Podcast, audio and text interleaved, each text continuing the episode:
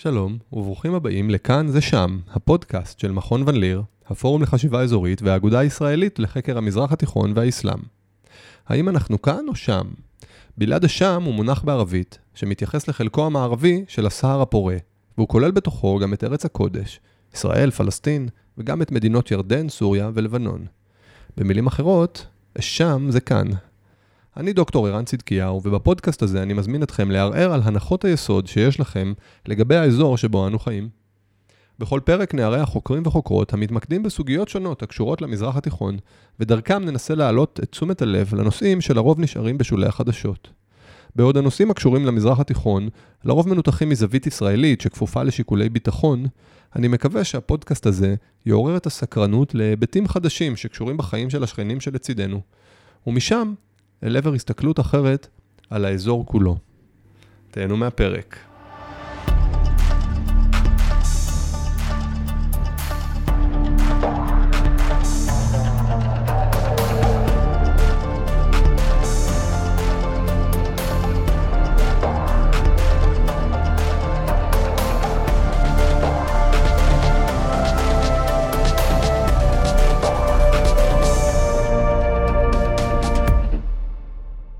היום נצלול אל לב המאפיליה של מלחמת האזרחים בתימן, יחד עם דוקטור שמוליק לדרמן.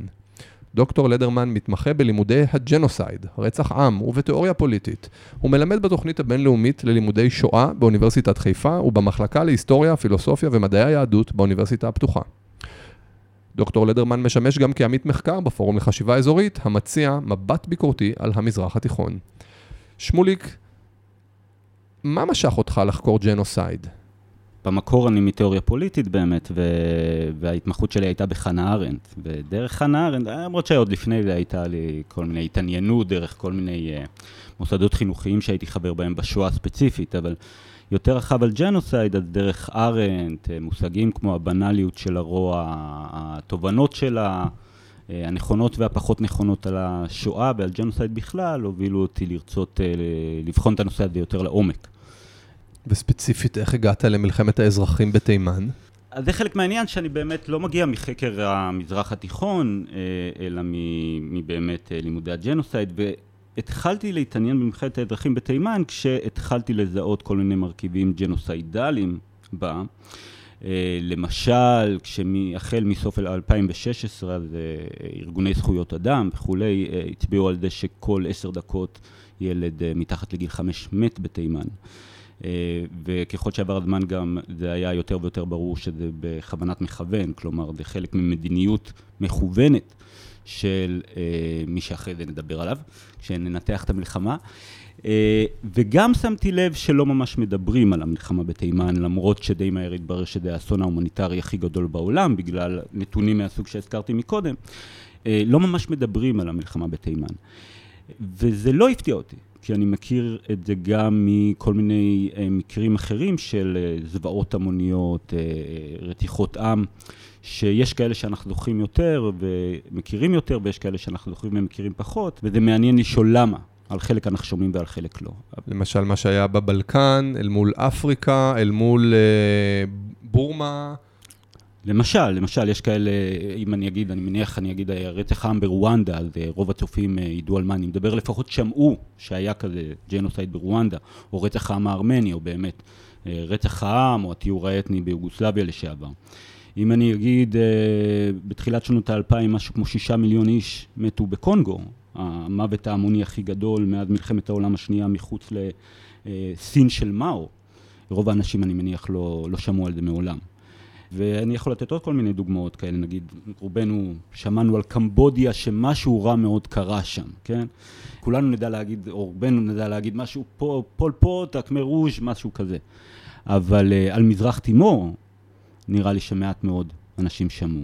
או, או על רצח של בין חצי מיליון למיליון קומוניסטים באינדונזיה, באינדונזיה מעט שמעו. וככה הלאה. וכמו שאנחנו אולי uh, נשמע ממך, זה לא במקרה. אז, אז אני חושב שיש כל מיני גורמים שקשורים לזה, אבל כן, בשורה התחתונה זה לא במקרה. עכשיו, תימן זו מדינה אה, עם היסטוריה עתיקה ביותר, אולי אה, עם ההיסטוריה, אה, מבין המדינות עם ההיסטוריה המוקדמת ביותר במזרח התיכון. איפה אתה מתחיל את ההיסטוריה המודרנית של תימן? אז אני מניח שזה מהתהליכים של אה, דקולוניזציה, כן? עכשיו זה קצת מורכב, כי, כי מצד אחד בצפון תימן, לצורך העניין, קשה יותר לדבר על דקולוניזציה, למרות שאפשר לדבר על תהליך של השתחררות מהאימפריה העות'מאנית. אה, בדרום תימן בהחלט אפשר לדבר על תהליכים של דקולוניזציה, היה שם קולוניאליזם בריטי, ואז אה, חלק מהנסיגה. של המעצמות הקולוניאלית האירופיות אה, בין השאר מהמזרח התיכון, אז זה מתחלף במשטר אה, קומוניסטי כזה, הרפובליקה העממית של תימן, ברוח הזאת, אה, עד שנופל הגוש הקומוניסטי, ואז יש לנו צפון תימן ודרום תימן, שבשנות ה-90 גם מתאחדות. אז אני מניח שכמו בשאר ההיסטוריה המודרנית של הרבה מדינות, אז פחות או יותר אחרי מלחמת העולם השנייה אפשר להתחיל לדבר על ההיסטוריה המודרנית של תימן. בעשורים שלפני מלחמת האזרחים הנוכחית, היו בתימן התנגשויות בין הפלגים השונים? אז עד 62 בעצם מי ששולט בצפון תימן זה אימאם זיידי. והחות'ים, הם תופסים את עצמם כממשיכים של אותה שושלת זיידית ששלטה בתימן. אז יש כאלה שיגידו, הם מרגישים מנושלים עוד במובן הזה, שמנושלים מהשלטון ומגיע להם, הם ראויים לחדור לשלטון. הם תופסים את עצמם, או מדברים על זה יותר במובן של מנושלים, במובן של משאבים, במובן של כוח בתימן, ביחס למה שהם חושבים שמגיע להם. ושנית, בגלל שיש חדירה של מטיפים מואבים עם כסף סעודי, זה האזור שהחות'ים מתחילים בו, אה, סעדה, זה, זה בעצם בצפון תימן. זה למעשה ממש על הגבול עם ערב הסעודית. ומטיפים מואבים במימון סעודי ובהסכמה של הממשלה של תימן מתחילים להפיץ את התיאולוגיה הוואבית, שכמובן... הסונית. כן, הסונית. ובמשך כמה שנים טובות זה פשוט תנועת תחייה דתית, הם לא משתמשים לרוב באלימות, כן? לפחות לא אלימות חורגת ממה שבדרך כלל יש בתימן.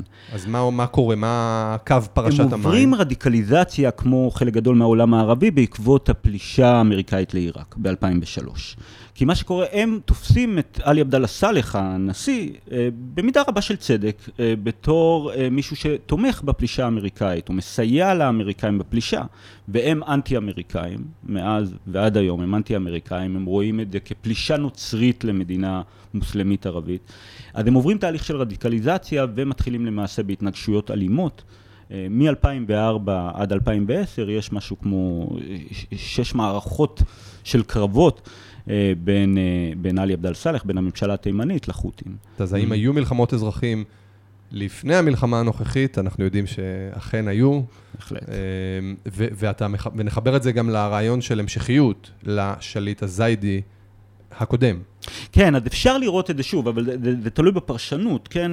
וחוקרים שונים יפרשו את זה אחרת, אבל אפשר לראות את זה כמעין המשך של המאבק המסורתי יותר בתימן על שליטה בין, זה לא כל כך בין סונים לשיעים הייתי אומר, זה בין, ספציפית בין אותה שושלת זיידית שרואה את עצמה ממשיכה של האימאם השיעי של העבר, וחוסיין אל-חותי ובכלל התנועה החותית רואים, רואים את עצמם כממשיכים של הסיפור הזה, לבין כל מי שמערער לא רק מבין הסונים על הרעיון של שליטה שיעית בתימן או שליטה זיידית בתימן, גם מבין הזיידים עצמם.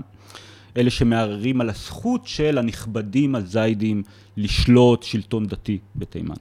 ולראיה אפשר לומר שהנשיא, האויב הגדול של החות'ים היה הנשיא עלי עבדאללה סאלח שנרצח על ידם, והוא היה בעצמו שירי זיידי. בדיוק, בדיוק. וזו נקודה שמפוספסת הרבה מאוד בדיווחים על המלחמה בתימן, כי מציגים את זה כאילו מלכתחילה זה, זה מלחמה בין סונים לשים, כמו שמציגים הרבה סכסוכים, כמו שאתה יודע, במזרח התיכון. וזה בדרך כלל פשטני כמו שזה נשמע. כן, והראיה, באמת עלי עבדאללה סאלח היה זיידי בעצמו, לא זיידי דתי, הוא לא השתייך למשפחות הנכבדים. ועדיין הוא נאבק בחות'ים. אז בעצם החות'ים הם קבוצה רדיקלית בתוך השיעה הזיידית. כן. רדיקלית לפחות במובן של המוכנות שלהם, גם מבחינה תיאולוגית, כן? הם מחויבים ל, לרעיונות הדתיים הזיידים, שלא כמו חלק גדול מהאוכלוסייה הזיידית שיותר מעוניינים ביום יום של החיים, כן? הם גם רדיקליים במובן הזה, הם גם רדיקליים במובן של ההתנגדות שלהם, השנאה שלהם אפשר להגיד, לארצות הברית, לישראל. אחת הסיסמאות המפורסמות שלהם זה מוות לאמריקה, מוות אה, לציונים, מוות ליהודים, אללהו אכבר, כלומר, דבר, למעשה סיסמאות שלקוחות מאיראן, בחיזבאללה. אז הם רדיקליים בהחלט בכל המובנים האלה, וגם במוכנות שלהם בסופו של דבר לנקוט באלימות, כדי לנסות להשיג את המטרות שלהם. אפשר לומר שהם לא ממש בוחלים באמצעים. ממש לא. כלומר, צריך להגיד מראש, בגלל שאנחנו נדבר הרבה דווקא על הצד השני, על ערב הסעודית והאחריות שלה לאסון ההומניטרי בתימן, אבל צריך להגיד מראש, החות'ים הם לא אנשים טובים, כן? כלומר, הם אה, גם במלחמה הזאת וגם עוד לפני זה, המוכנות שלהם להרוג חפים מפשע, אה, אה, להרעיב. כאמצעי של, כאסטרטגיה מלחמתית, להרעיב ערים שלמות, להשתמש בילדים חיילים, לשתול מוקשים בכל רחבי תימן, שעד היום אנשים נהרגים שם על ימין ועל שמאל. רדיפות של מיעוטים? ורדיפות של מיעוטים, אם זה הבהאים, אם זה יהודים. יהודים, אה, החות'ים בין השאר אה, רדפו את, ה, את היהודים היחסית בודדים שהיו בצפון תימן, והם נאלצו לברוח אה, לדרומה של תימן. אז בהחלט הם לא, לא, לא חבר'ה טובים. עם זאת, אתה מדגיש את התפקיד של ערב הסעודית באסון ההומניטרי בתימן. כן, אז אנחנו נדבר באמת אה, יותר מאוחר קצת על, על איך ערב הסעודית נכנסת אה, לתמונה, אבל צריך להגיד כבר מראש, ערב הסעודית תמיד היא חלק, תמיד הייתה חלק מהתמונה התימנית. כלומר, עלי עבדאללה סאלח, ששלט מ-78 בצפון תימן, ואחרי זה באמת הפך עם איחוד תימן לנשיא כל תימן, אה, ממש עד 2011, עד האביב הערבי, הוא נתמך מאוד גם בידי ארצות הברית וגם בידי ערב הסעודית. ערב הסעודית תמיד רצתה שיהיה לה say שתהיה לה אמירה ואפילו שליטה במי יהיה הנשיא של תימן ולוודא שהוא, יש, שהוא ישרת את האינטרסים שלה. וזה פשוט מסיבה פשוטה, תימן, אם מסתכלים על המפה, היא, היא החצר האחורית של ערב הסעודית מהבחינה הסעודית, כן? אז חשוב, מה שקורה בתימן חשוב מאוד לסעודים. מה בעצם קרה בתימן באביב הערבי של 2011? אז ב-2011, כמו בחלקים גדולים אחרים מהעולם הערבי, יש את האביב הערבי בתימן, יש כאלה שיגידו שלמעשה מבחינת אה, משתתפים הוא היה האביב הערבי, המחאות ההמוניות הכי גדולות. והוא כמובן מופנה נגד הדיקטטור של תימן, עלי עבדאללה סאלח. והאביב הערבי בתימן מצליח. עלי עבדאללה סאלח נאלץ אה, אה, לפנות את כיסאו, בלחץ, בשלב הזה אמריקאי וסעודי. אה, נאלץ לפנות את כיסאו, ומי שמחליף אותו זה הסגן שלו עד אז, האדי. עבד רבד מנסור האדי, והוא הופך להיות מעין נשיא זמני, אין לו ממש תמיכה פוליטית, אבל בהסכמה הוא הופך להיות נשיא זמני, אמור להיות לשנתיים של תהליך של משא ומתן בין הקבוצות השונות בתימן, היה אמור להיות בין 2012 ל-2014. והמשא ומתן הזה קורה, אבל הוא הולך ומסתבך. הוא הולך ומסתבך בהקשר של החוט, מהרבה סיבות, אבל בהקשר של החות'ים א', בגלל שהוא לא נותן להם להיות חלק פעיל מהמשא ומתן, ולמרות שיש להם נציגים, אבל הוא לא, הוא לא, מבחינת החות'ים הוא לא נותן להם את מה שהגיע להם, הוא לא נותן להם באמת אה, אה, אמירה לגבי איך תיראה המדינה התימנית החדשה. זה כאילו, זה קורה בכל כך הרבה מקומות, שיש מדינות שמורכבות מהרבה קבוצות אתניות, ואז יש איזה מהפכה או איזה בלגן, ואז יש הידברות. ובמקום שהם פשוט ייתנו מקום לכולם וינסו לנהל את הדבר המורכב הזה בצורה אינטליגנטית, תמיד מי שלוקח את השלטון מנסה להדיר את האחרים, ואז יש התמרמרות ומלחמת אזרחים, ואני רואה את זה קורה פעם אחר פעם, זה כל כך מתסכל. לחלוטין, ופה בהחלט אפשר לדבר על המשיחיות בתימן לאורך תקופה ארוכה, כי אין מה לעשות, אם יש לך רודן ששולט מ-78, ולפני הרודן הזה יש רודנים אחרים, ולפני זה אימפריות קולוניאליות או האימפריה העות'מאנית, אין מוסדות שנותנים אה, ייצוג.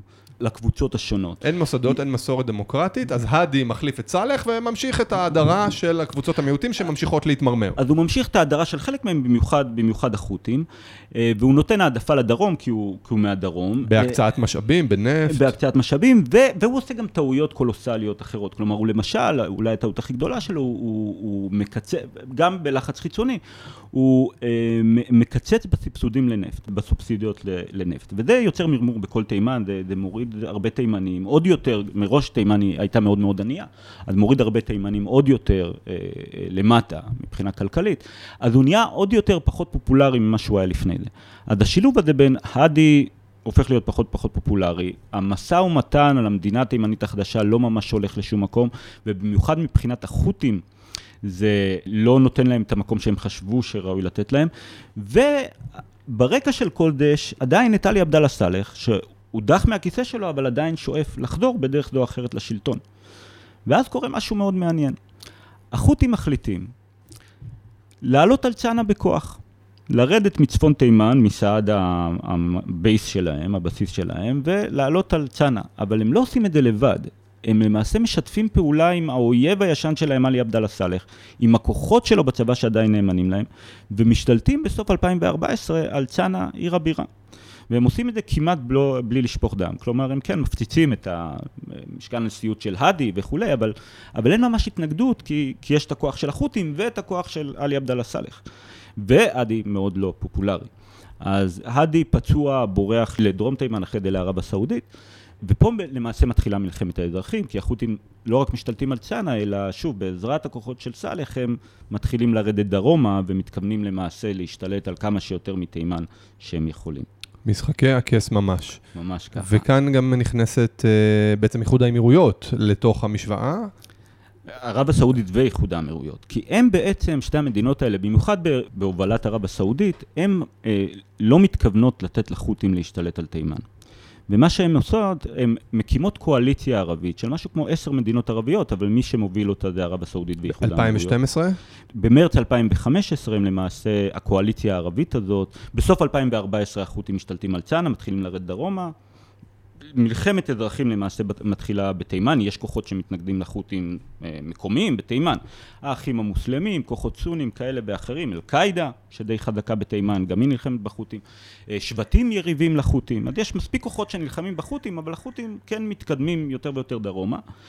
אבל אז, במרץ 2015, כשערב הסעודית והאיחוד האמירויות רואות את ההתקדמות של אה, החות'ים דרומה, הן מחליטות להתערב, מקימות קואליציה ערבית, מדינות כמו סודאן, מצרים, מרוקו, ירדן, כולם עוזרות בדרך זו או אחרת, הן למעשה מתחילות להילחם אה, בחות'ים ממרץ 2015, וככה בעצם המלחמה בתימן הופכת להיות סוג של מלחמה אזורית. שבשלב הזה החות'ים כבר שולטים על, אולי לא על רוב השטח, אבל על רוב האוכלוסייה בתימן. על רוב האוכלוסייה, כן, בהחלט. אמ, וזה, כל זה קורה בחצר האחורית של, אה, של ערב הסעודית, כלומר, ממש על הגבול הדרומי שלה. כן. הם צוברים תמיכה גם uh, מהשותפות עם סאלח, uh, מפילים את האדי, ובעצם uh, מארגנים את ההגנה אל מול הפלישה הזאת של השכנים הערבים מצפון. כן, אז פה יש, פה שווה לדבר, אני חושב, על קודם כל מה היו, מה באמת היו המוטיבציות הסעודיות בתוך ההתערבות הזאת. כי, כי בדרך כלל מה שמדברים עליו זה הסעודים אה, רואים בחות'ים שלוחה איראנית, ולמעשה זה לא רק מה שדברים עליו, הרבה פעמים מסתכלים בעיתונות איך כותבים על החות'ים, מדברים עליהם כאילו הם שלוחה, שלוחה איראנית, זה למעשה האיראנים ששלחו אותם להשתלט על תימן.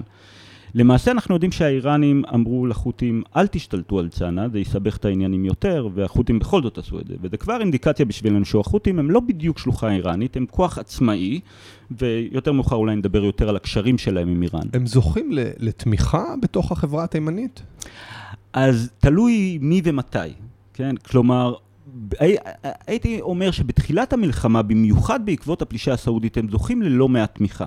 הם זוכים ללא מעט תמיכה גם כי חלק מהסיסמאות שלהם זה שהם נאבקים בשחיתות והם רוצים להפוך את תימן פחות מושחתת, לעומת כל עלי עבדאללה סאלח וכל המסורת הרודנית. וחלק מזה כי לא מעט תימנים תופסים את הפלישה הסעודית כפלישה. ואחרי זה נדבר גם על ההשלכות של הפלישה, אז ככל שההשלכות יותר אה, קטלניות, אז גם יותר ויותר תימנים תומכים בחות'ים.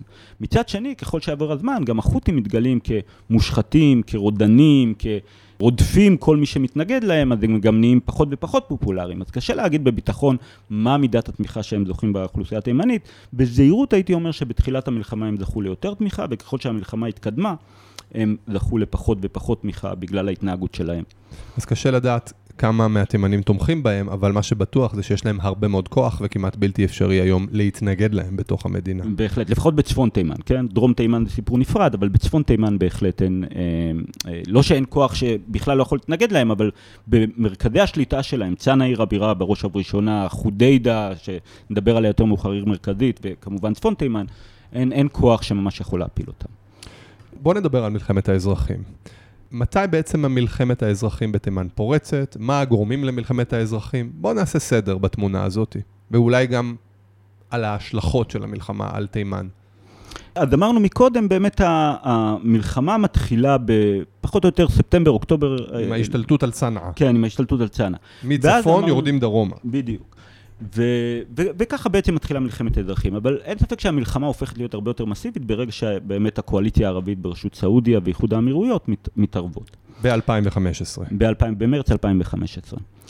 ופה באמת שווה לדבר בקצרה על האינטרסים הסעודים, כי, כי באמת התפיסה היא ש, שהם מתערבים כדי למנוע את ההשתלטות האיראנית על תימן, על החצר האחורית שלהם תימן.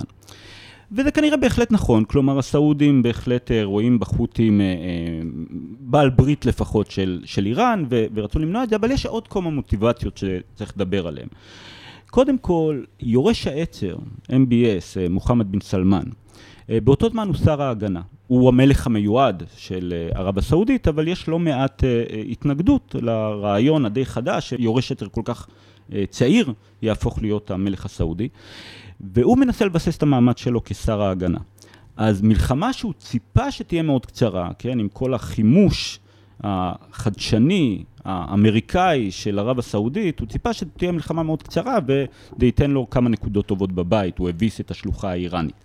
בעצם כמו וייטנאם, כמו לבנון, כמו אפגניסטן, זבנג וגמרנו, ואז מוצא את עצמו מדשדש בבוץ, שקוע עד צוואר במלחמה שלא בדיוק, נגמרת. בדיוק, בדיוק. ההנחה של הסעודים היה שזה ייגמר תוך כמה שבועות, ומסתבר שזה לא ממש נגמר תוך כמה שבועות.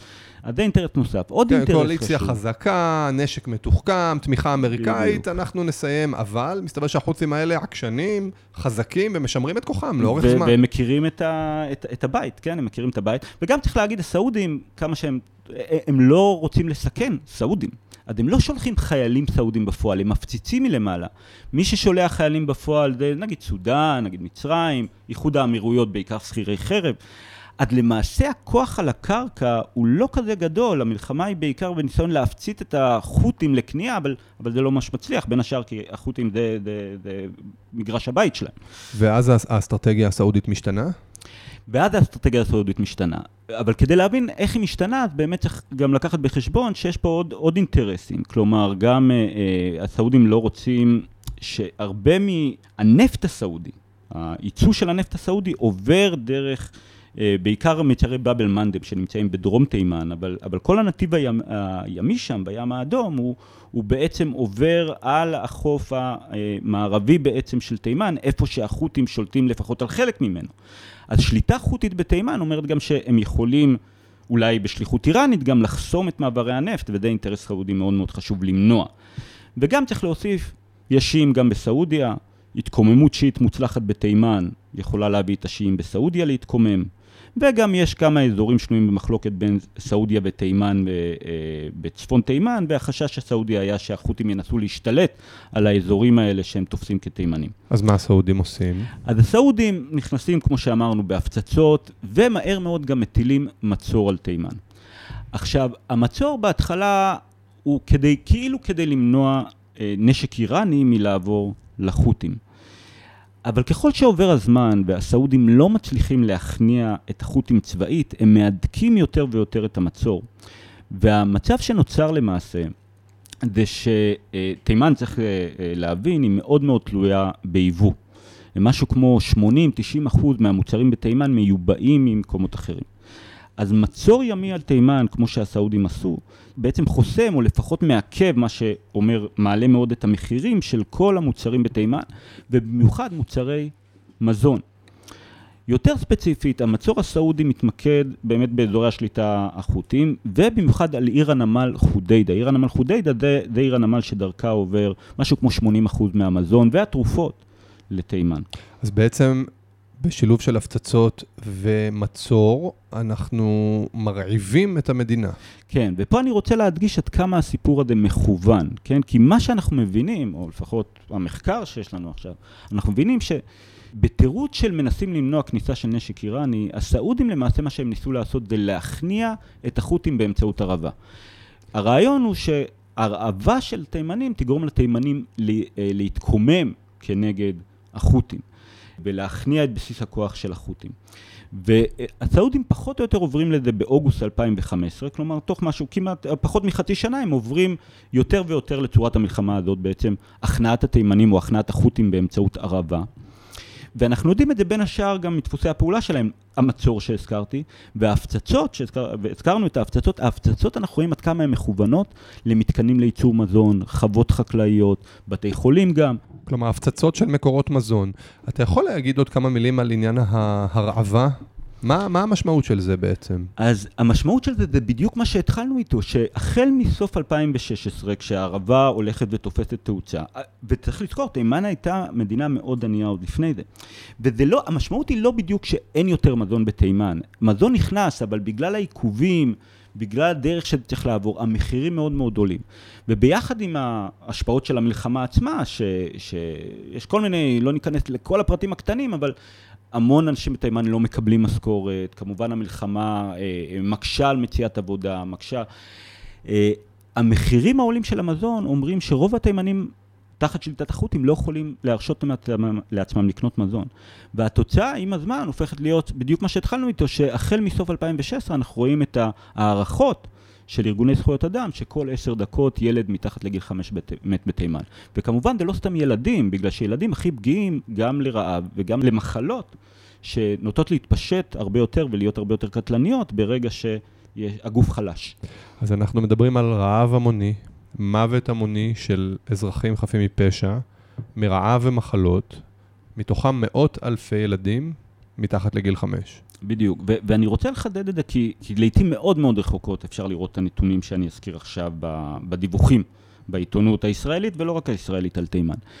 הערכות מלכתחילה היו, כמו שהזכרתי, שזה אומר משהו כמו 50 אלף ילדים בכל שנה, וזה רק ילדים, בלי אחרים, וזה לא, לא רק מוות עקיף, לא חלק מהמוות הישיר.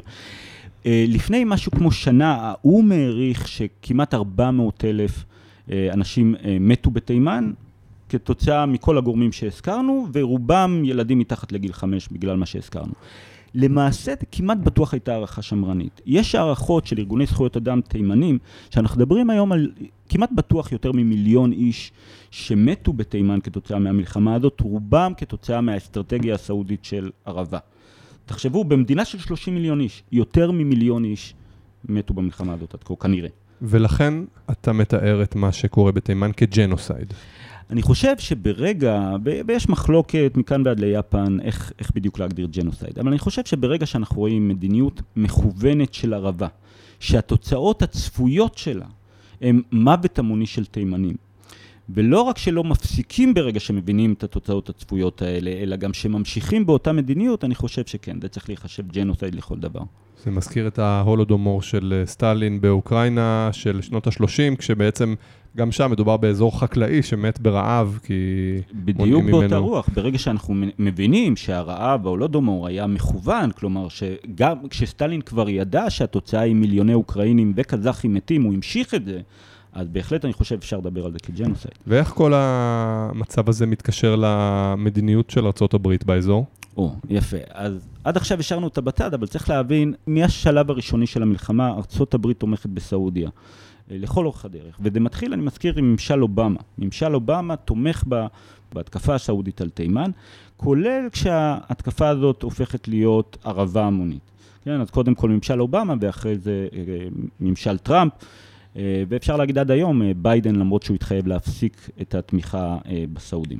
וזה מלתדלק מטוסים באוויר ועד מעטפת במועצת הביטחון של האו"ם. בכל דבר אפשרי, בדיוק. הסעודים הנשק, כמעט כל הנשק שלהם זה מארצות הברית, ומה שלא מארצות הברית מגיע מבריטניה אה, בעיקר, או מדינות אירופאיות אחרות. אה, התדלוק מטוסים באוויר, המטוסים שמפציצים בתימן, אה, הם, הסעודים לא ידעו לתדלק אותם באוויר בעצמם, כמו שהם היו צריכים, האמריקאים תדלקו את זה עבורם. התחזוק של המטוסים, כוח אדם בריטי, מועצת הביטחון, ההחלטות שלה בהשפעה אמריקאית לחלוטין נגד החות'ים לטובת הסעודים. מודיעין, בכל דבר אפשרי האמריקאים תומכים בסעודים במלחמה הזאת. ולמה בעצם? כי בגלל הברית ההיסטורית עוד מימי רוזוולט? אז קודם כל זה באמת הברית ההיסטורית. כלומר, באמת מסוף מלחמת העולם השנייה יש ברית בין ערב הסעודית לארצות הברית, שבשורה התחתונה אומרת ערב הסעודית תספק את הנפט, לאו דווקא לארצות הברית עצמה, לאירופה וליפן בתקופה הזאת, וארצות הברית תספק אה, ביטחון. אז זה ההקשר הרחב, אבל באופן יותר ספציפי... ביטחון ולא תתערב לסעודים בעניינים... בהפרות זכויות אדם למיניהם. ו... אבל יש פה גם הקשר יותר מיידי, ההסכם, הסכם הגרעין עם איראן. לא רק ישראל לא הייתה מבסוטה מההסכם שממשל אובמה מגיע אליו אה, עם איראן לגבי הגרעין, אלא גם ערב הסעודית. והפיצוי על הסכם הגרעין הזה לסעודים היה, והניסיון האמריקאי להראות לסעודים שהם כן ממשיכים לתמוך בהם, וזה לא יבוא לחשבונם, זה דרך התמיכה שלהם, בין השאר דרך התמיכה שלהם במלחמה אה, בתימן. והאם יש לאמריקאים גם אינטרס כלכלי לתמוך? אז קודם כל אני צריך להגיד, אני חושב שהאינטרס המרכזי הוא, הוא לא הכלכלי, אלא, אלא באמת ה... אה, אה, שימור הברית הזאת עם, ה, עם הסעודים, אבל בהחלט צריך להגיד, האמריקאים כתוצאה מהמלחמה בתימן והצורך הסעודי בנשק אה, כדי לנהל את המלחמה הזאת, אה, האמריקאים מוכרים נשק בעשרות מיליארדי, מיליארדי דולרים לסעודים. אז יש גם בהחלט רווחים של חברות הנשק אה, בארצות הברית מה, מהמלחמה הזאת. טוב, ויש גם את ההיבט הכלכלי של הנפט. זאת אומרת, של הזרמת הנפט מבאבל מנדב. יפה. אז פה אנחנו נכנסים למשהו קצת שנוי במחלוקת. כי רוב הפרשנויות שתראה על ההתערבות או הסיוע האמריקאי לסעודים, זה באמת סביב ה... הם כאילו האמריקאים, זה לא ממש אינטרס שלהם חוץ מהתמיכה בסעודים. אבל אם אנחנו לוקחים בחשבון שגם לאמריקאים, א', יש אינטרס במעבר של הנפט אה, דרך ים סוף למיצרי אה, אה, באבל מנדב ולשאר העולם, בהחלט יש להם אינטרס בזה. ולא רק זה, אלא שכל המדיניות האמריקאית, פחות או יותר בכל מקום צבועה בשנים האחרונות, יותר בעשור האחרון פלוס, בצבעים של המאבק מול סין על השפעה ושליטה. אז יש כאלה שיגידו, קשה להגיד, אין לנו ממש ראיות לכאן או לכאן, אה, אבל, אבל יש כאלה שיגידו, זה לא רק אינטרס סעודי שהאמריקאים תומכים בו, יש בו גם אינטרס אמריקאי לוודא שאיראן, דרך החות'ים, או בכלל החות'ים כשלטון, כקבוצה אנטי-אמריקאית, לא תשלוט בתימן. במיוחד כש... יש גם בסופו של דבר את השאלה של כמה לסין, לרוסיה גם, אבל האויבת המרכזית היא סין, כמה לסין יש השפעה במזרח התיכון ובאזורים האלה במיוחד. אני רוצה רגע, שמוליק, להעמיק במעורבות האמריקאית. אתה כתבת על הרפורמות הניאו-ליברליות והמעורבות האמריקאית בכלכלה התימנית, ואם אני מצטט אותך, למעשה עד שנות ה-70, תימן לא הייתה תלויה בכלל ביבוא מזון. היא גידלה את רוב המזון שלה בעצמה. איך זה ישתנה? אז איך זה השתנה זה בדיוק כחלק מהעלייה של מה שהרבה פעמים קוראים הניאו-ליברליזם, אז זה קראו לזה יותר הקונצנזוס בוושינגטון. רייגן כן? תאצ'ר כזה. כן, בדיוק העלייה של, אה, אה, של התפיסה שהדרך הכי טובה אה, לכל מדינה להתקדם כלכלית היא דרך הפרטה, הפסקת הסובסידיות למוצרי מזון, למים, לחינוך וכולי וכולי. אז חלק מהלחץ האמריקאי ושל המוסדות הבינלאומיים שבסופו של דבר הם תחת ההשפעה האמריקאית, קרן המטבע הבינלאומית, הבנק העולמי, הלחץ שלהם על עלי עבדאללה סאלח, שהיה זקוק להלוואות כדי לקדם את השליטה שלו בתימן וגם לנסות לקדם את תימן עצמה, אה, חלק מהתנאים היו בדיוק הדברים האלה, הפרטה, שילוב של תימן בשוק הגלובלי. שחלק ממה שזה אומר, זה במקום לייצר קודם כל לצריכה, לייצר לייצוא. אז תימן עוברת, צפון תימן עוברת מייצור של אה, אה, מוצרי דגן, חיטה וכאלה, כלומר מוצרים לצריכת מזון עצמית, למוצרים שאמורים להיות משווקים בשוק הגלובלי, בננות, כל מיני דברים כאלה. והיא לא יכולה להתחרות בחקלאות המסובסדת האמריקאית. אז, אז תימן באופן פרדוקסלי מתחילה לייבא חיטה, דברים שהיא ייצרה לעצמה לפני זה, היא מתחילה לייבא את כל מוצרי המזון הזה, היא נהיית מאוד תלויה בצריכת מזון הבסיסית של התימנים, ביבוא מבחוץ, כן, ביבוא של חקלאות אמריקאית, כן, אה, בין השאר, או, או אוקראינית גם, וזה מה שמוביל בין השאר לה, להשלכות האסוניות של המצור הסעודי. אם תימן הייתה מספקת את צריכת מזון שלה בעצמה, זה היה נראה אחרת. אז בשביל להשתלב בשוק הגלובלי, תימן הופכת למדינה שמייצאת מזון, אבל תלויה ביבוא, ולכן אה, אפשרי להרעיב אותם היום. אה, בדיוק. ובעצם בגלל אה, שתימן לא עצמאית, אין לה ביטחון תזונתי, ובעצם יש שם רעב המוני. כן, בדיוק, בדיוק זה הסיפור. איך בעצם משתלבים הכוחות האזוריים, סעודיה והאמירויות, בתוך האינטרסים האלו? על סעודיה דיברנו על האינטרסים של האיחוד האמירויות, חוץ מזה שברגע שסעודיה רוצה את הקואליציה הזאת, אז, אז כל המדינות הערביות שרוצות את הכסף הסעודי ואת התמיכה הסעודית אה, נכנסות לזה, לאיחוד האמירויות יש אינטרס ספציפי. היא מנסה לבצוע, לבנות עצמה ככוח אזורי, במיוחד דרך שליטה בדרום תימן. אז היא תומכת בכוחות בדרום תימן, היא משתלטת על האיסוקוטרה, היא, היא מנסה ל, ל, לא רק בדרום תימן, אבל חלק מהניסיון שלה להקרין כוח באופן יותר אזורי ואפילו גלובלי, יש לה אינטרס בלהשתלט על דרום תימן, וזה מה שהיא ממוקדת בו. אז לאיחוד האמירויות יש אינטרס משל עצמה, מה שמוביל גם לקונפליקטים עם ערב הסעודית למרות שיתוף הפעולה שלהם, וזה גם חלק ממה ש... בוא נגיד, מקשה על המאמץ המלחמתי של הקואליציה אה, לנצח את החות'ים.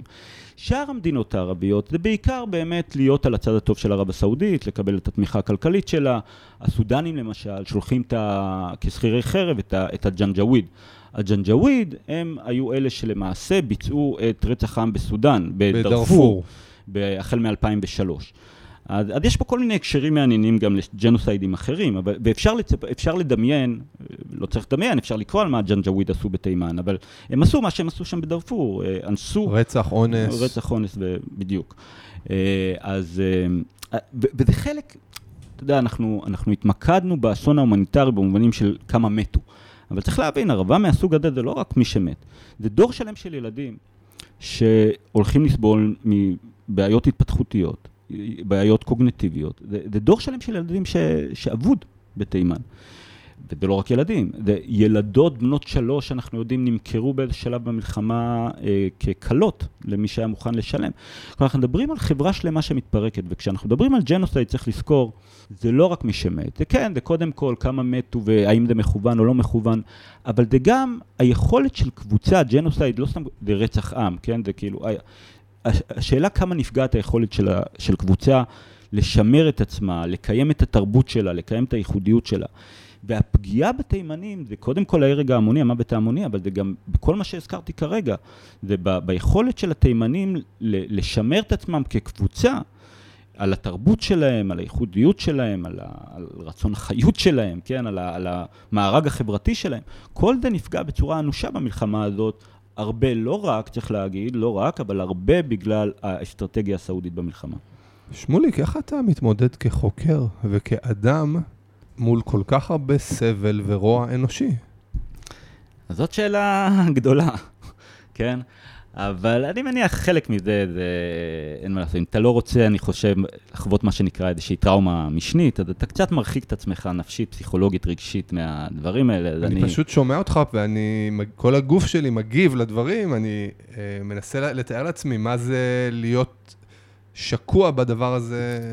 אז כן, אז אני אתן לך דוגמה, אז אני מדבר הרבה על, אתה יודע, ילדים מתחת לגיל חמש שמעורבים למוות וכולי. אני... ואתה בטח אה, מגדל ילדים בעצמך, ו... יש לי ילד בן שנתיים וחצי, אני, אני מנסה לא לחשוב על זה, אתה יודע. ואני מנסה כמה שפחות לראות תמונות. אתה יודע, אתה, אתה קורא כתבות, אתה עוקב אחרי דוחות, אתה אה, מנסה לעקוב אחרי מה שקורה בתימן. צצות התמונות האלה של ילדים מעורבים, אי אפשר להסתכל על זה. אני לא יכול, אני לא מסוגל להסתכל על זה. אני... זה... כשאתה מסתכל על אינדיבידואל, אתה כאילו יוצא מהמספרים והאסטרטגיה והניתוח הגיאו-אסטרטגי וכאלה, ואתה באמת מנסה, או, או, או נתקל במרכאות, כן, במה שקורה לאנשים בפועל, מה שקורה לילדים קטנים. זה בלתי נסבל, אני, אני לא באמת, אני יכול להגיד באופן אישי, אינטימי, אני, אני לא מסוגל להתמודד עם זה, זה מאוד מאוד קשה. בגלל זה צריך איזושהי הרחקה, צריך ללכת על, ה, על המספרים הגדולים, על הניתוחים, על ה... לפחות זו האסטרטגיה שלי, כן? להרחיק את עצמי נפשית ופסיכולוגית מזה, כי אחרת זה באמת בלתי נסבל. ובאמת, יש לך אצל חוקרי ג'נוסייד, חוקרי דברות המניעת, יש מה שנקרא טראומה משנית, כלומר, אתה מתעסק בנושאים האלה, ואז אתה מגלה שאתה בעצמך טראומטי בעקבות זה. אז אני לא חווה את זה, אולי זה איפשהו מודחק, אבל אולי בין השאר אני לא חווה את זה, כי אני... הסיפורים האישיים, אני... בגלל שקשה לי מה... קשה לי מדי, אין לי, אם, אלא אם אין לי ברירה, אז אני מנסה לא, לא להיכנס אליהם, כי זה פשוט קשה מדי. תודה. אמ, אז בעוד שהחות'ים מאומנים על ידי איראן והחיזבאללה, ועם זאת אה, מפגינים עצמאות ופועלים על פי האינטרסים שלהם, הסעודים, שמבינים את המורכבות, אה, בעצם אה, מי שמנהל את המלחמה מצידם זה מוחמד בן סלמן, שר ההגנה. והוא הופך לאיזה אסטרטג צבאי שבעצם אה, מבסס את הכוחות אה, של, אה, של סעודיה באזור. כן, אז, אז, אז באמת זה היה בין השאר, שוב, לצד אינטרסים אולי יותר חשובים, אולי פחות חשובים, אנחנו לא יודעים באמת מה עבר לבן סלמן בראש, או למקבלי החלטות בסעודיה אחרים גם, אבל אבל, אבל זה חל, היה חלק מההימור הראשוני שלו, כן? אבל כמו שאמרנו, מהר מאוד דיבר שזה לא הולך להיגמר בכמה שבועות. אבל וכאן יהיה הפרדוקס. מצד אחד, ערב הסעודית שמה הרבה משקל על המלחמה הזאת. מצד שני, הם לא, מתחיל, הם לא מצליחים להביס את החות'ים. הם מוציאים הון על המלחמה. יותר ויותר ביקורת בציבור הסעודי על המלחמה הזאת. החות'ים באיזה שלב מתחילים לירות לתוך ערב הסעודית בתגובה על התקפות כאמצעי לחץ. יש שיגידו בשליחות איראן, יש שיגידו לא בשליחות איראן, אלא מתוך האינטרסים העצמאיים שלהם. ויש יותר ויותר ביקורת על ערב הסעודית. עכשיו, פה צריך להזכיר משהו, מצד אחד, כמו שהזכרתי, ואני עקבתי לא רק אחרי התקשורת הישראלית, אלא גם התקשורת הבינלאומית המרכזית, הניו יורק טיימס, הוושינגטון פוסט, הגרדיאן לצורך העניין, בריטניה וכולי וכולי. היו מעט מאוד דיווחים על תימן, כן? מדי פעם איזה כותרת, בדרך כלל אה, הנתונים שמזכירים היו מאוד מאוד אה, אה, שמרניים מבחינת מספר ההרוגים המתים, דיווחים מאוד מאוד חסרים וחד צדדיים. איפה זה השתנה? זה השתנה כשהסעודים, אה, בן סלמן עצמו, שולח את המתנקשים להרוג את חשוקג'י, העיתונאי הסעודי של הוושינגטון פוסט.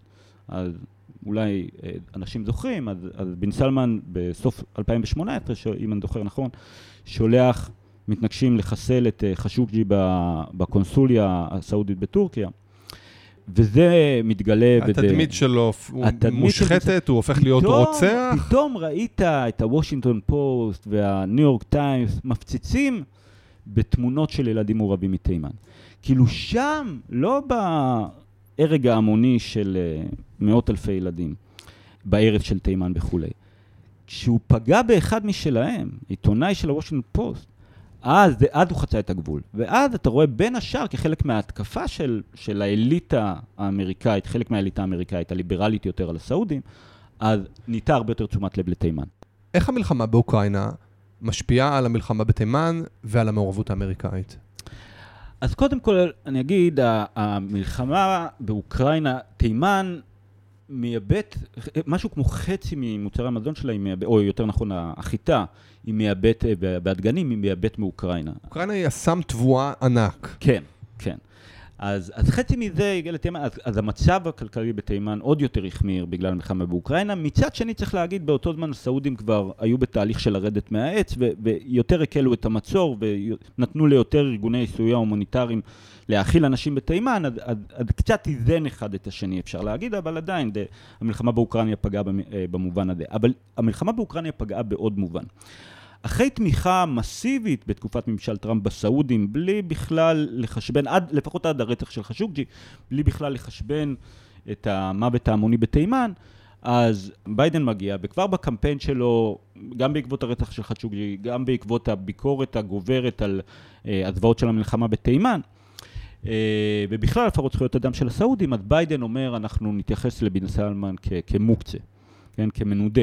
פרסונה נון גרטה מבחינתנו, ואנחנו נעצור את התמיכה במלחמה בתימן. אבל זה מתהפך לו בפנים. וזה מתהפך מהר מאוד. עכשיו, זה מתהפך מאוד מכל מיני, מתהפך מהר מאוד מכל מיני סיבות, כלומר, כבר, שוב, אפשר לקשר את זה למאבק על השפעה במזרח התיכון אה, עם, עם סין ורוסיה, ו, וכיוצא בזה גורמים, אבל באמת נקודת המפנה, אני חושב, הייתה המלחמה באוקראינה. כי ברגע שהמלחמה באוקראינה מתחילה, האמריקאים מאוד מודאגים ממחירי הנפט. והם פונים לכל מי שאפשר שייצר יותר נפט כדי להוריד את מחירי הנפט בעולם ובין השאר בארצות הברית. אז ביידן בא לבן סלמן ופתאום הוא צריך אותו. פתאום ביידן צריך את בן סלמן, וכל ההבטחות מהקמפיין, כן, אז הוא ממש, מה שנקרא, הולך לקנוסה, הולך אה, לסעודיה, מנסה כאילו ליישר הדורים עם, אה, עם בן סלמן, זה לא ממש עובד, בן סלמן מנצל את ההזדמנות. אגב, זה לא רק לבן סלמן, זה גם לבנצואלה לצורך העניין, להקל את הסנקציות כדי שבנצואלה תייצר יותר נפט. אז זה חלק ממהלך יותר גדול. צריך להגיד, יש כאלה שיגידו, ההליכה, כאילו, ביידן מונע לא רק מהאינטרסים של הנפט, אולי לא בעיקר אפילו מהאינטרסים של הנפט, אלא דווקא מכל הסיפור של הסכמי אברהם. כלומר, כחלק מהאינטרס האמריקאי בהסדר ישראלי עם סעודיה. אז, אז יש גם פרשנויות כאלה. אז, אז, אז ממוקצה, בן סלמ... בגלל פרשת חשוקג'י, בן סלמן הופך למנהיג שארצות הברית מחזרת אחריו כדי שיספק יותר נפט על חשבון רוסיה ואיראן. וביידן מגביל את הביקורת על סעודיה, אבל בן סלמן למעשה טורק לו את הדלת אה, בפנים, ואפילו נכון, מגביל את אספקת נכון, הנפט. נכון, נכון, בדיוק, בדיוק. ועכשיו, עם הזמן מתברר ש, שמחירי הנפט אחרי תקופה של אי ודאות, לא כזה עולים, כן? מכל סיבות שלא ניכנס אליהם, אבל, אבל עדיין אנחנו רואים את ביידן יורד מהעץ שהוא עלה עליו של לנדות את אה, בן סלמן, ובן סלמן מנצל את זה. ו, וזה משפיע על העניין בתימן. אז בראש ובראשונה זה משפיע בזה שהאמריקאים לא מפסיקים את התמיכה למעשה. יש, יש יותר ויותר תמיכה בקונגרס להפסיק את התמיכה האמריקאית, אבל ביידן למעשה, כמו טראמפ לפניו, מטיל על זה וטו. אז האמריקאים לא מפסיקים את התמיכה שלהם בסעודים, הם מבטיחים דווקא עזרה במאבק בחות'ים, תוך כדי שלפחות רטורית אומרים, כן, אנחנו נוודא שפחות הפרות זכויות אדם וכולי, אבל בפועל הם לא, ככל שאנחנו יודעים, הם לא עושים ממש שום דבר בעניין הזה. מה שכן מקל על המצב בתימן, זה באמת שהסעודים, מביא, הם כבר בתהליך ארוך של, של להביא, לרדת מהעץ, כלומר, בעצמם, של להבין שהם לא הולכים לנצח את החות'ים בכוח, והם צריכים להגיע לאיזושהי פשרה. והיו הפסקות אש למיניהם וכולי, זה מקל את, כלומר המצב בתימן הופך יותר טוב עם הזמן, אבל לא בגלל שהאמריקאים עושים משהו בנידון, אלא בגלל שהסעודים עצמם מגיעים ליותר ויותר הפסקות אש עם החות'ים. מבחינת השלכות המלחמה הזאת, בשנת 2021 האו"ם הגדיר את המלחמה בתימן כאסון ההומניטרי הכבד ביותר בעולם. למעשה כבר, כבר בשנים שלפני זה, כל פעם האו"ם, לדעתי, אם אני זוכר נכון, אולי אני טועה, אבל כבר מ-2017-2018 האו"ם מגדיר את זה ככה. אז אתה יודע... לא ש... מדברים על זה בישראל או בכלל. לא, לא, לא, לא בישראל ולא בארצות הברית ולא בבריטניה, ככל שאני יודע, וגם יש מחקרים על זה, בקושי, כלומר מדי פעם מזכירים את זה, אין, אין ברירה אלא להזכיר את זה, אבל ביחס לעוצמת האסון ההומניטרי, להיקף המוות, אם משווים את זה למשל, אתה יודע, הזכרת את המלחמה באוקראינה למה שקורה באוקראינה, אם משווים את זה לפני זה למלחמה בסוריה, אין, אין בכלל השוואה בין כמות הסיקור והדגש על הזוועות שמתרחשות בסוריה ואז באוקראינה, עדיין גם בסוריה, אבל אז באוקראינה, לבין תשומת הלב לתימן. עוד רגע נדבר על הסיקור, מהמ. עוד ברמת ההשלכות, אז אנחנו מדברים על אסון הומניטרי, מיליון הרוגים, מיליוני ילדים, דור שלם, שכבר הזכרת את זה, mm-hmm. שגדל בתת-תזונה ובחורבן, וגם uh, מדובר פה על אחריות של מדינות המערב למעשה. כן, אז, אז פה צריך שוב להדגיש, ואמרנו את זה, אבל אני רוצה להדגיש, ארצות הברית וגם בריטניה בעיקר, הם צד במלחמה הזאת מלכתחילה. הם, הם לצד הסעודים לאורך כל המלחמה הזאת במגוון דרכים, כמו שהזכרנו. והמשמעות של זה, ואני רוצה לחדד את זה ולהגיד את זה בפירוש, כי, כי גם אתה וגם המאזינים, אני חושב, תשמעו את זה מעט מאוד. ארצות הברית יש לה אחריות כבדה, וגם בריטניה, אבל במיוחד ארצות הברית, אחריות כבדה לג'נוסייד, או אם תרצו, המוות ההמוני, הפשעים נגד האנושות, איך שנרצה לקרוא לזה, למוות ההמוני בתימן. כן? אחריות כבדה, הם, הם חלק פעיל במלחמה הזאת ובאסון ההומניטרי. אה, מכל הסיבות שהזכרנו, בגלל תמיכה מסיבית. למעשה, ושוב, רק כדי לחדד את זה, לא מעט מומחים, אתה יכול לשמוע אותם, בכל מיני שלבים של המלחמה. בלי התמיכה, אם ארצות הברית הייתה רוצה, עוד בתקופת אובמה ואחרי זה טראמפ, תוך יומיים המלחמה בתימן הייתה נגמרת. עד כדי כך התמיכה האמריקאית הייתה קריטית לסעודים. בלי התמיכה האמריקאית הם לא היו יכולים לעשות את המלחמה הזאת. אז מכאן שהאחריות, זה כדי לחדד את האחריות הכבדה האמריקאית לאסון ההומניטרי הזה. מבחינת תהליכים אסטרטגיים, אז סעודיה תהפוך לכוח מרכזי בתימן? או, פה אנחנו מגיעים לשאלה גדולה, כי, כי יש לנו תהליכים מורכבים בזמן האחרון, כן? שא', אמרתי, הסעודים הבינו ש, שהם לא יצליחו לנצח את החות'ים. עכשיו, ההבנה שהם לא הולכים לנצח את החות'ים, זה אומר גם ההבנה שלחות'ים בכל הסדר עתידי הולך להיות משקל כבד בתימן. מה בדיוק, על מה החות'ים יהיו מוכנים להתפשר, לא לגמרי ברור, אבל, אבל משקל כבד בתימן.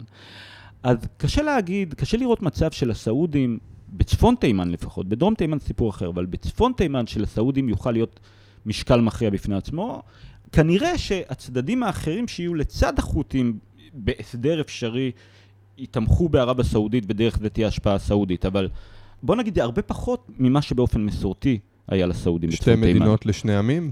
משהו כזה. זה מה שהולך להיות שם? אולי שלוש, כי יש לנו את דרום תימן, ויש לנו את צפון, את דרום תימן עצמה, יש בה תנועה בדלנית שמנסה להתנתק מתימן, או לפחות לקבל אוטונומיה גדולה, ובצפון תימן, אם יהיה איזשהו הסדר, אז יצטרך להיות באמת באיזשהו ביזור כוחות בין החות'ים לבין הפלגים האחרים בתימן. יש איזושהי אוטונומיה או עצמאות לדרום, ובצפון צריך למצוא איזשהו הסדר לקבוצות השונות. Uh, הסעודים uh, מחפשים איך לרדת מהעץ? כן, והם כנראה מצאו את המפתח, כי עד עכשיו וגם בתקופות הפסקת האש וכולי, אני לא הייתי אופטימי במיוחד לגבי סיום המלחמה בתימן, בגלל ש, שמה שהסעודים היו מוכנים להסכים לו, באיזה עמדות כוח החות'ים יישארו, זה היה הרבה פחות ממה שהחות'ים היו עשויים להסכים לו. מה שהשתנה מאוד ומאוד חשוב בתקופה האחרונה זה ההתקרבות האיראנית-סעודית. אני מניח שהמאזינים שמעו על זה. הסעודים והאיראנים הולכים ומתקרבים, מגיעים לכל מיני הסכמות, מגיעים לכל מיני הבנות. זה משפיע גם על המצב בתימן, כלומר זה פתח בין השאר לזה שהסעודים יוכלו באמצעות תיווך איראני, תיווך הומני, אומני, אומן הכוונה, להגיע אה, לאיזושהי פשרה עם החות'ים, שתיתן לסעודים הרבה פחות ממה שהם רצו, אבל הסעודים פחות יחששו, כי יהיה דרך הסכמות עם איראן את ההבטחה האיראנית שהחות'ים יתנהגו בסופו של דבר בהתאם לאינטרסים הסעודים החיוניים. כן, לא יחסמו את מעברי הנפט וכולי וכולי. עכשיו, בוא נגיד, אני יותר אופטימי, כמו הרבה אחרים, יותר אופטימי מכל נקודה אחרת שהייתה, שהמלחמה בתימן בדרך אה, להסתיים. לפחות המלחמה בצפון, שדיברנו עליה, שהתמקדנו בחות'ים אה, מול הסעודים. אני רוצה לשאול אותך על הסיקור של המלחמה בתקשורת העולמית. אתה בעצם קראת למלחמה בתימן המלחמה הנשכחת. אז, אז צריך להגיד, אני לא יכול לקחת את הקרדיט לזה, כלומר, תעשה גוגל, תעשו גוגל, הקהל, המלחמה בתימן, כמעט תמיד תראו The Forgotten War, uh, War in Yemen, או המלחמה הנשכחת בתימן. זה נכון שבארץ נדמה לי כשהתחילו לשים לב למלחמה בתימן, ובאמת אחת הכתבות הראשונות של צבי יחזקאלי, שמאוד היוותה את המצב בתימן, קרא לידי המלחמה הנשכחת, כנראה בעקבות המאמר שפרסמתי בפורום על זה, אבל שוב, לא הקרדיט שלי, אלא בכל מקום היא נקראת, כשמדווחים עליה, היא נקראת המלחמה הנשכחת. כי באמת הסיקור, לפחות עד הרצח, הרצח של חשוקג'י, הסיקור היה, ש... ביחס לאסון ההומניטרי ולמשקל אה, של המלחמה הזאת, הסיקור היה מאוד מאוד דל. ופה, ופה בעצם אנחנו סוגרים מעגל עם תחילת השיחה שלנו, שאלת אותי למה התחלתי להתעניין במלחמה בתימן, אני לא מגיע מאיזושהי אה, מומחיות בתימן אה, אה, וכאלה. אז, אז אמרתי ש, שראיתי את המימדים, בגלל שכחוקר ג'נוסייד אני עוקב גם אחרי אה, מה שמפרסמים ארגוני זכויות אדם, אמנסטי, אה, משמר זכויות האדם, Save the Children, כל מיני ארגוני זכויות אדם, אה, בדיווחים גם באתרי חדשות שהם לא רק אתרי חדשות המיינסטרים, אז נהייתי יותר ויותר מודע למה שקורה בתימן, בשלב מוקדם ב, ב, במלחמה. וגם ראיתי עד כמה מעט מדווח עליהם בערוצי חדשות של המיינסטרים, שוב, גם בארץ וגם בארצות הברית, ויש קשר בין הדברים, אה, או במערב בכלל, ויש קשר בין הדברים. ואמרתי שזה לא הפתיע אותי, וזה לא הפתיע אותי כי אני מכיר את הסיפור הזה ממקרים אחרים של ג'נוסייד, שממש לפעמים אתה יכול לראות שני, שתי זוועות המוניות שקורות באותו זמן, שוב, תימן וסוריה, מזרח תימור וקמבודיה. אז למה באמת כולם שמעו על האסון ההומניטרי בסוריה? זה, אה, המלחמה בסוריה מסוכרת הרבה מאוד, אבל בתימן המספר הקורבנות משמעותית גבוה יותר, ולא שמענו על זה בכלל.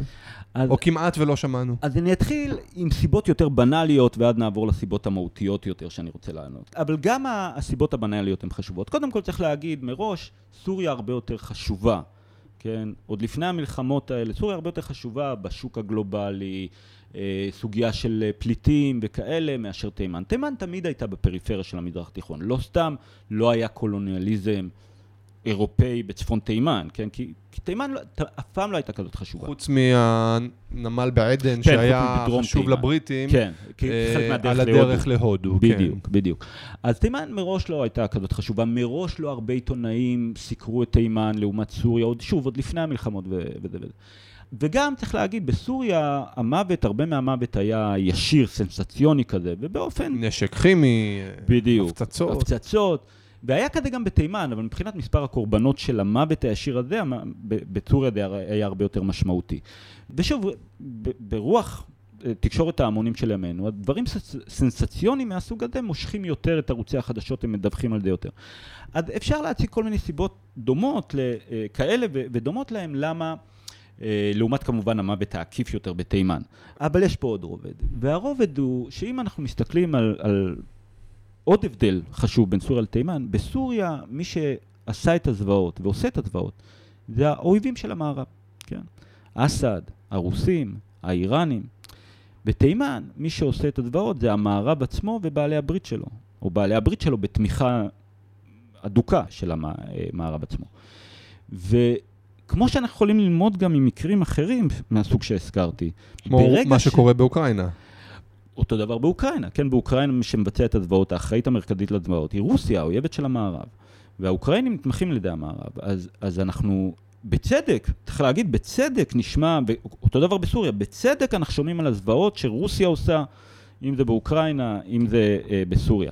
אבל ברגע שמי שמבצע את הזוועות, שוב, זה המערב ובעלי בריתו, אנחנו שומעים על זה הרבה פחות. אני רוצה להעביר, זה לא מן, אה, אני, לא, אני לא אומר שהאורחים של החדשות יושבים ביחד ואומרים, אוקיי, פה אין, אנחנו אין עושים את זה. אין פה קונספירציה. לא, זה לא האורחים של החדשות בניו יורק טיימס, בוושינגטון פורט, ב-CNN אומרים, אוקיי, פה, פה זה המערב עושה את זה, בוא נשתוק לגבי זה. לא, זה קודם כל עניין של, קודם כל אני חושב עניין מאוד אנושי, כן? כלומר, כשמדובר על המדינה שלנו, בכל מדינה, כן? כשמדובר על המדינה שלנו, אנחנו נוטים לראות מה שהמדינה שלנו עושה בעיניים יותר חיוביות. זה חלק מהתבנית של המוח שלנו. כולנו, אפשר להגיד, לאומניים בדרך זו או אחרת, כן? גם היותר ליברליים מבחינת אה, אצלנו. כולנו נוטים לראות את מה שעושה המדינה שלנו בעיניים יותר טובות, גם כשאנחנו ביקורתיים לגביה. אצלנו יש מורכבות, האחרים סתם רעים. בדיוק, בדיוק ככה. מאוד מדויק. כלומר, כש... העיתונאים בארצות הברית מסתכלים על מה שארצות הברית, או ערב הסעודית בתמיכה נלבת של ארצות הברית עושה בתימן, אוקיי, זה מורכב. כי הרי החות'ים הם בעלי ברית של איראן, ואיראן אנחנו יודעים כמה היא גרועה, והחות'ים אנחנו יודעים כמה הם גרועים, אז יש פה משהו מורכב. ומכוני כן. המחקר שעובדים עם הפנטגון והבית הלבן, לא יכתבו שהשותפים שלהם כן, עושים ג'נוסייד. מי מייצר את החדשות? מה האג'נדה בחדשות? אז קודם כל, אפשר להסתכל שהרוב המכריע של הידיעות הן נשענות על תדרוכים, גם בארץ, גם בארצות הברית, גם בכל מדינה בעידן של היום, על תדרוכים, תדרוכים ממי? מהבית הלבן, מהפנטגון, ממחלקת המדינה. עכשיו, כמובן שמי שמבין את הדיווחים האלה בשיחות וברעיונות הזה, יש לו אינטרס להדגיש את מה שקורה בסוריה, ולא מה שקורה בתימן, כן? הוא הרי מעורב בזה, או המוסדות שהוא משרת אה, ועובד בהם מעורבים בזה. והרבה פעמים מכוני מחקר מאוד משפיעים על האג'נדה, מה, מה רואים בחדשות ואיך מפרשים את זה. עכשיו, אם מסתכלים על מי מממן את, מכ... את מכוני המחקר, או מה הנטיות שלהם. אז א', מממן לא מעט ממכוני המחקר בוושינגטון, הם, הם לוביסטים, סוג של לוביסטים, במפורש יותר או מפורש פחות, כי הם ממומנים על ידי ערב הסעודית, איחוד האמירות וכאלה, הם משקיעות הון, המדינות האלה, בלובינג, דרך מכוני מחקר בארצות הברית. אבל לא רק זה, לא מעט ממכוני המחקר. או שהם ימנים ואז מראש הם, יש להם גישה פחות הומניטרית, או שהם הם דמוקרטים, הם ליברליים, אבל עד זה אומר שיש להם, הם לא יבקרו את ממשל אובמה כל כך בקלות. ואמרנו, המלחמה התחילה עם תמיכה של ממשל אובמה. אז יש פה עניין מוסדי של ניתוח איך התקשורת עובדת, תקשורת ההמונים. איך, יוצ... איך מייצרים סדר יום, איך מייצרים בדיוק, אג'נדה, זה א' ב' בלימודי בדיוק, תקשורת. בדיוק. אה, ומה... קורה בישראל מבחינת הסיקור של המלחמה, מעבר לזה שמדגישים את הקשר לאיראן ולטרור, מה היחס הישראלי למלחמה הזאת בתקשורת? חושב, אז פה אני חושב בשני עניינים. קודם כל, אם מסתכלים על, תקש, על התקשורת הישראלית, אני חושב שאפשר לראות באופן די עקבי, א', ש... בקושי דיווחו על המלחמה בתימן, וכשדיווחו עשו את זה בצורה מאוד מעוותת. רק בימים האחרונים היה מאמר של uh, uh, צבי בראל, שהוא מנתח, הוא מדבר בין השאר על איך המלחמה בתימן הפכה להיות בינלאומית, והוא אומר, החות'ים תקפו את ערב הסעודית, ואז ערב הסעודית הגיבה בפלישה. שזה בדיוק ההפך ממה שקרה, כן? סעוד, סעודיה פלשה, ואז החות'ים הגיבו בטילים. והוא התייחס לתקיפה ב-2019 של מתקני הנפט כן, ב- כן. בסעודיה, עוד נדבר על זה אולי. זה, או, או גם היו התקפות לפני זה, אבל, אבל, אבל הם קרו אחרי הפלישה הסעודית. עכשיו, צבי בראל הוא, הוא אדם רציני ו- וידען. אם צבי בראל ככה, אז עיתונאים, חצי עיתונאים, שאולי לא נזכיר שמות, אולי אפשר להזכיר שמות, אבל... ואפשר לראות את זה באופן, באופן שיטתי, אני חושב. הדיווחים מאוד מעוותים, כן? והאזכור של האסון ההומניטרי כמעט ולא קיים, ואם הוא קיים, לא מוזכר שמי שאחראי המרכזי לו זה, זה ערב הסעודית. בדרך כלל מי שמואשם זה החות'ים והאיראנים, שאמרתי, יש להם הרבה אשמה. הכל זה הציר השיעי והרעים הם השיעים. אז חל... עניין אחד פה הוא שבאמת אה, אה, ההנחה היסודית ב- בישראל זה שמה שהסונים עושים זה יחסית בסדר, ומה שהשיעים עושים זה לא בסדר. כן, ציר הרשע מול ציר היחסית טוב. כלומר, התפיסה האידיאולוגית בישראל אה, ממקמת את הצד השיעי בצד הרע, החוטפים הם הרעים אה, והם אכזריים. אה, ושלוחה איראנית ופרו-איראנים, אבל אתה רוצה לומר שזו תפיסה שטחית שמבטלת את המורכבות, בעצם חלוקה בין ערבים טובים לערבים רעים? אז, אז היא חלוקה בין ערבים טובים לערבים רעים, ובכלל מוסלמים טובים למוסלמים רעים, וזה פרדיגמה מאוד אידיאולוגית ומאוד פשטנית להסתכל על המזרח התיכון, כן? ושוב, אני אביא משהו מלימודי הג'נוסייד. כל פעם אתה שומע הסברים איך, איך נפתחה המלחמה הזאת, איך נפתחו הדברות האלה. טוב, אלה שבטים, סוג של שבטים שנלחמו תמיד אחד בשני. הסרבים מול הקרואטים, או הקרואטים מול המוסלמים, או ההוטו מול הטוצי ברואנדה, או אלה מול אלה. מראש אפשר להניח, כאילו בתחום שלי לפחות, זה, התפיסות הכי שטחיות, שיש קונצנזוס שהן שטחיות. אוקיי? ובישראל אנחנו רואים את התפיסה הזאת, את הפרדיגמה הזאת, לנתח הכל במונחים של, טוב, הסונים והשיעים הם תמיד נלחמו אחד בשני, וגם עכשיו, וזה מאבק בין הסונה והשיעה. זה כל כך פשטני, שוב, ואני אומר את זה מתחום, מכיוון לימודי הג'נוס, זה כל כך פשטני וזה כל כך, במקרה של המלחמה בתימן, לא, לא מתאר את המורכבות של הסיפור, כי הרבה יותר מאשר מאבק דתי, למרות שעושים שימוש במוטיבים דתיים, זה מאבק על כוח, על משאבים, על דברים, על שליטה, דברים מהסוג הזה. אז, אז בישראל יש גם את התפיסה של ערבים טובים, ערבים רעים, שהיא די מתבססת על מי לטובתנו יחסית מי לרעתנו. גם פרדיגמה אידיאולוגית מאוד מאוד נוקשה ומאוד מאוד שטחית. וגם, צריך להוסיף לסיפור הזה, שבתקשורת הישראלית, כל מה שלא קשור לישראל עצמה, כן, לאינטרסים המיידיים של ישראל, לא רק שזה עובר דרך הפרדיגמות שהזכרנו, אבל יש הישענות מאוד גדולה לתקשורת המערבית, במיוחד באנגלית. אני בדיוק רציתי לשאול אותך, מה, על מה, על איזה מקורות מסתמכים העיתונאים בישראל? לא, בדיוק, כלומר, מספיק לראות את המאמרים המתורגמים בעיתונות, אם בהארץ, אם בעיתונים אחרים, כדי להבין שאיזה מאמרים מתרגמים, מהניו יורק טיימס, מהוושינג פוסט, מהגרדיאן. לפעמים כשיש תרגומים כאילו מערבית, אז זה בכלל יהיה מכל מיני אתרים אה, שהם פרו-סעודים. פרו-סעודים. אבל אני אומר, לרוב מה שאתה רואה כשמאמרים מתורגמים, אני מדבר מאנגלית, אז אתה רואה שזה התקשורת המערבית, שזה לא מפתיע. רוב העיתונאים, כמו רובנו, אם הם יודעים טוב שפה אחרת, אם קוראים שפה אחרת, הם קוראים שפה אנגלית. המיטיבי לכת ביניהם קוראים אולי או רוסית או אה, אה, צרפתית לצורך העניין. הם לא קוראים ערבית, הם מסתבר גם או שנמנעים או שלא נוטים לקרוא תקשורת אלטרנטיבית, ארגוני, דוחות של ארגוני זכויות אדם.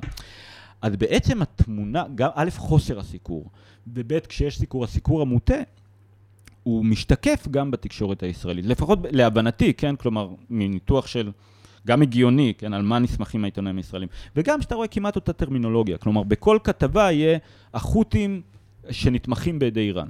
בכל כתבה בתקשורת המערבית ובמיינסטרים ובכל כתבה בישראל. זה טרמינולוגיה כמעט זהה. נתונים מספריים, עד שלב מאוחר מאוד היה אה, כעשר, כעשרת אלפים איש נהרגו במלחמה בתימן, כשהנתונים כבר היום במאות אלפים. וזה הנתון שציטטו גם בתקשורת המערבית המיינסטרימית וגם בישראל. ואפשר לנתח מאיפה הנתון מגיע. זאת אומרת, זה לא רציני, אתה מתאר פה... זה ממש אחד לאחד. עכשיו, אז יש פה שילוב בין פרדיגמה אידיאולוגית נוקשה, מותאמת לאינטרסים הישראלים אה, ופשטנית, ובין הישענות על כלי תקשורת מערבים שמוטים בסיקור שלהם. מה שאתה מקבל זה סיקור מאוד שטחי ומעוות. עכשיו, אני רוצה להבהיר, יש הרבה אמת בטענה של החות'ים ולאיראן יש אשמה במלחמה הזאת, בהחלט, והזכרנו בהתחלה כבר את הזוועות שהחות'ים עושים, ולאיראן גם יש את האחריות שלה בתמיכה ההולכת וגוברת שלה לאורך המלחמה בחות'ים.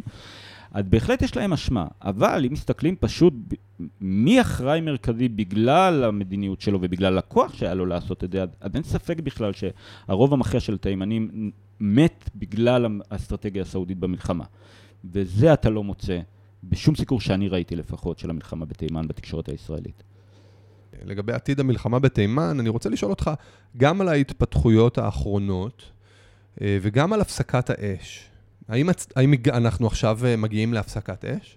אז, אז למעשה, בפועל יש הפסקת אש לא מושלמת, כן? יש אה, אה, קרבות פה וקרבות שם, אבל אבל הפסקת אש הרבה יותר משמעותית ממה שהייתה עד עכשיו, כבר מאפריל של שנה שעברה. בגלל ההסכם הסעודי-איראני? אז לפני ההסכם הסעודי-איראני, זה חלק מהתהליך שכמו שתיארתי מקודם, הסעודים ניסו לרדת מהעץ, ו, ו, והם לא, לא יכלו להגיע להסכם של ממש, בגלל הפער בין, בציפיות וב, ובתנאים, אבל, אבל לפחות להפסקת אש הם הגיעו, מאפריל של שנה שעברה. אז יכול להיות שההתקרבות בין סעודיה לאיראן בעצם מבשרת את סיום המלחמה בתימן. ועכשיו עם ההסכם הסעודי-איראני, מאוד מקווה, וזו הערכה לא רק שלי, של הרבה אנשים, ש, שזה מבשר שוב לפחות את הקץ של המלחמה בין החות'ים לסעודים. מלחמות פנימיות בין החות'ים ליריבים שלהם בתימן, מלחמות בין הדרום לצפון או בתוך סיעות בדרום, אלה דברים שעוד יכולים להימשך, אבל ההנחה היא ש, שההשפעה שלהם לפחות על היקף האסון ההומניטרי בתימן תהיה הרבה יותר מוגבלת מאשר דברים כמו המצור הסעודי והפצצות שיטתיות על, על חוות חקלאיות ומתקני מזון, כלומר לפחות המצב ההומניטרי, זה לא שעכשיו הוא ישתפר פלאים, אבל הוא יהיה אה, אה, פחות נורא. והשקט נשמר נכון לעכשיו. והשקט היחסי, כן, צריך להדגיש, השקט היחסי נשמר ואפילו מתחזק, באמת בעקבות הציפיות היותר אופטימיות, מ, בעקבות המעין תחילת ההסדרים או ההתקרבות בין איראן לסעודיה. שמוליק, מה שאני לומד מהשיחה איתך הוא שדווקא ההסתכלות על מדינה רחוקה מישראל, כמו תימן, יכולה ללמד אותנו הרבה על סיקור עיתונאי עולמי וישראלי על המזרח התיכון ועל הכוחות הבינלאומיים שמעצבים את הסדר העולמי הנוכחי. בניגוד למלחמת האזרחים בסוריה, הסיקור לגבי המלחמה בתימן היה מוגבל, הסתיר את העוול שנעשה בתמיכה ישירה ועקיפה אמריקאית, וגם בישראל סיקרו את המלחמה על בסיס אינטרסים ביטחוניים, וכמעט ולא דיברו על האסון ההומניטרי הגדול ביותר של המאה הנוכחית. מכיוון שהוא לא השתלב באג'נדה האנטי-איראנית. אמ, תודה שמוליק, יעתיק אל-עפיה, ותודה גם לכם, מאזינות ומאזינים יקרים. מקווה שנהניתם מעוד פרק של כאן זה שם, הפודקאסט של מכון ון ליר, הפורום לחשיבה אזורית והאגודה הישראלית לחקר המזרח התיכון והאסלאם. תודה גם ליהב ארז המפיקה וליאל מגן על התחקיר. עד הפעם הבאה, סלמת.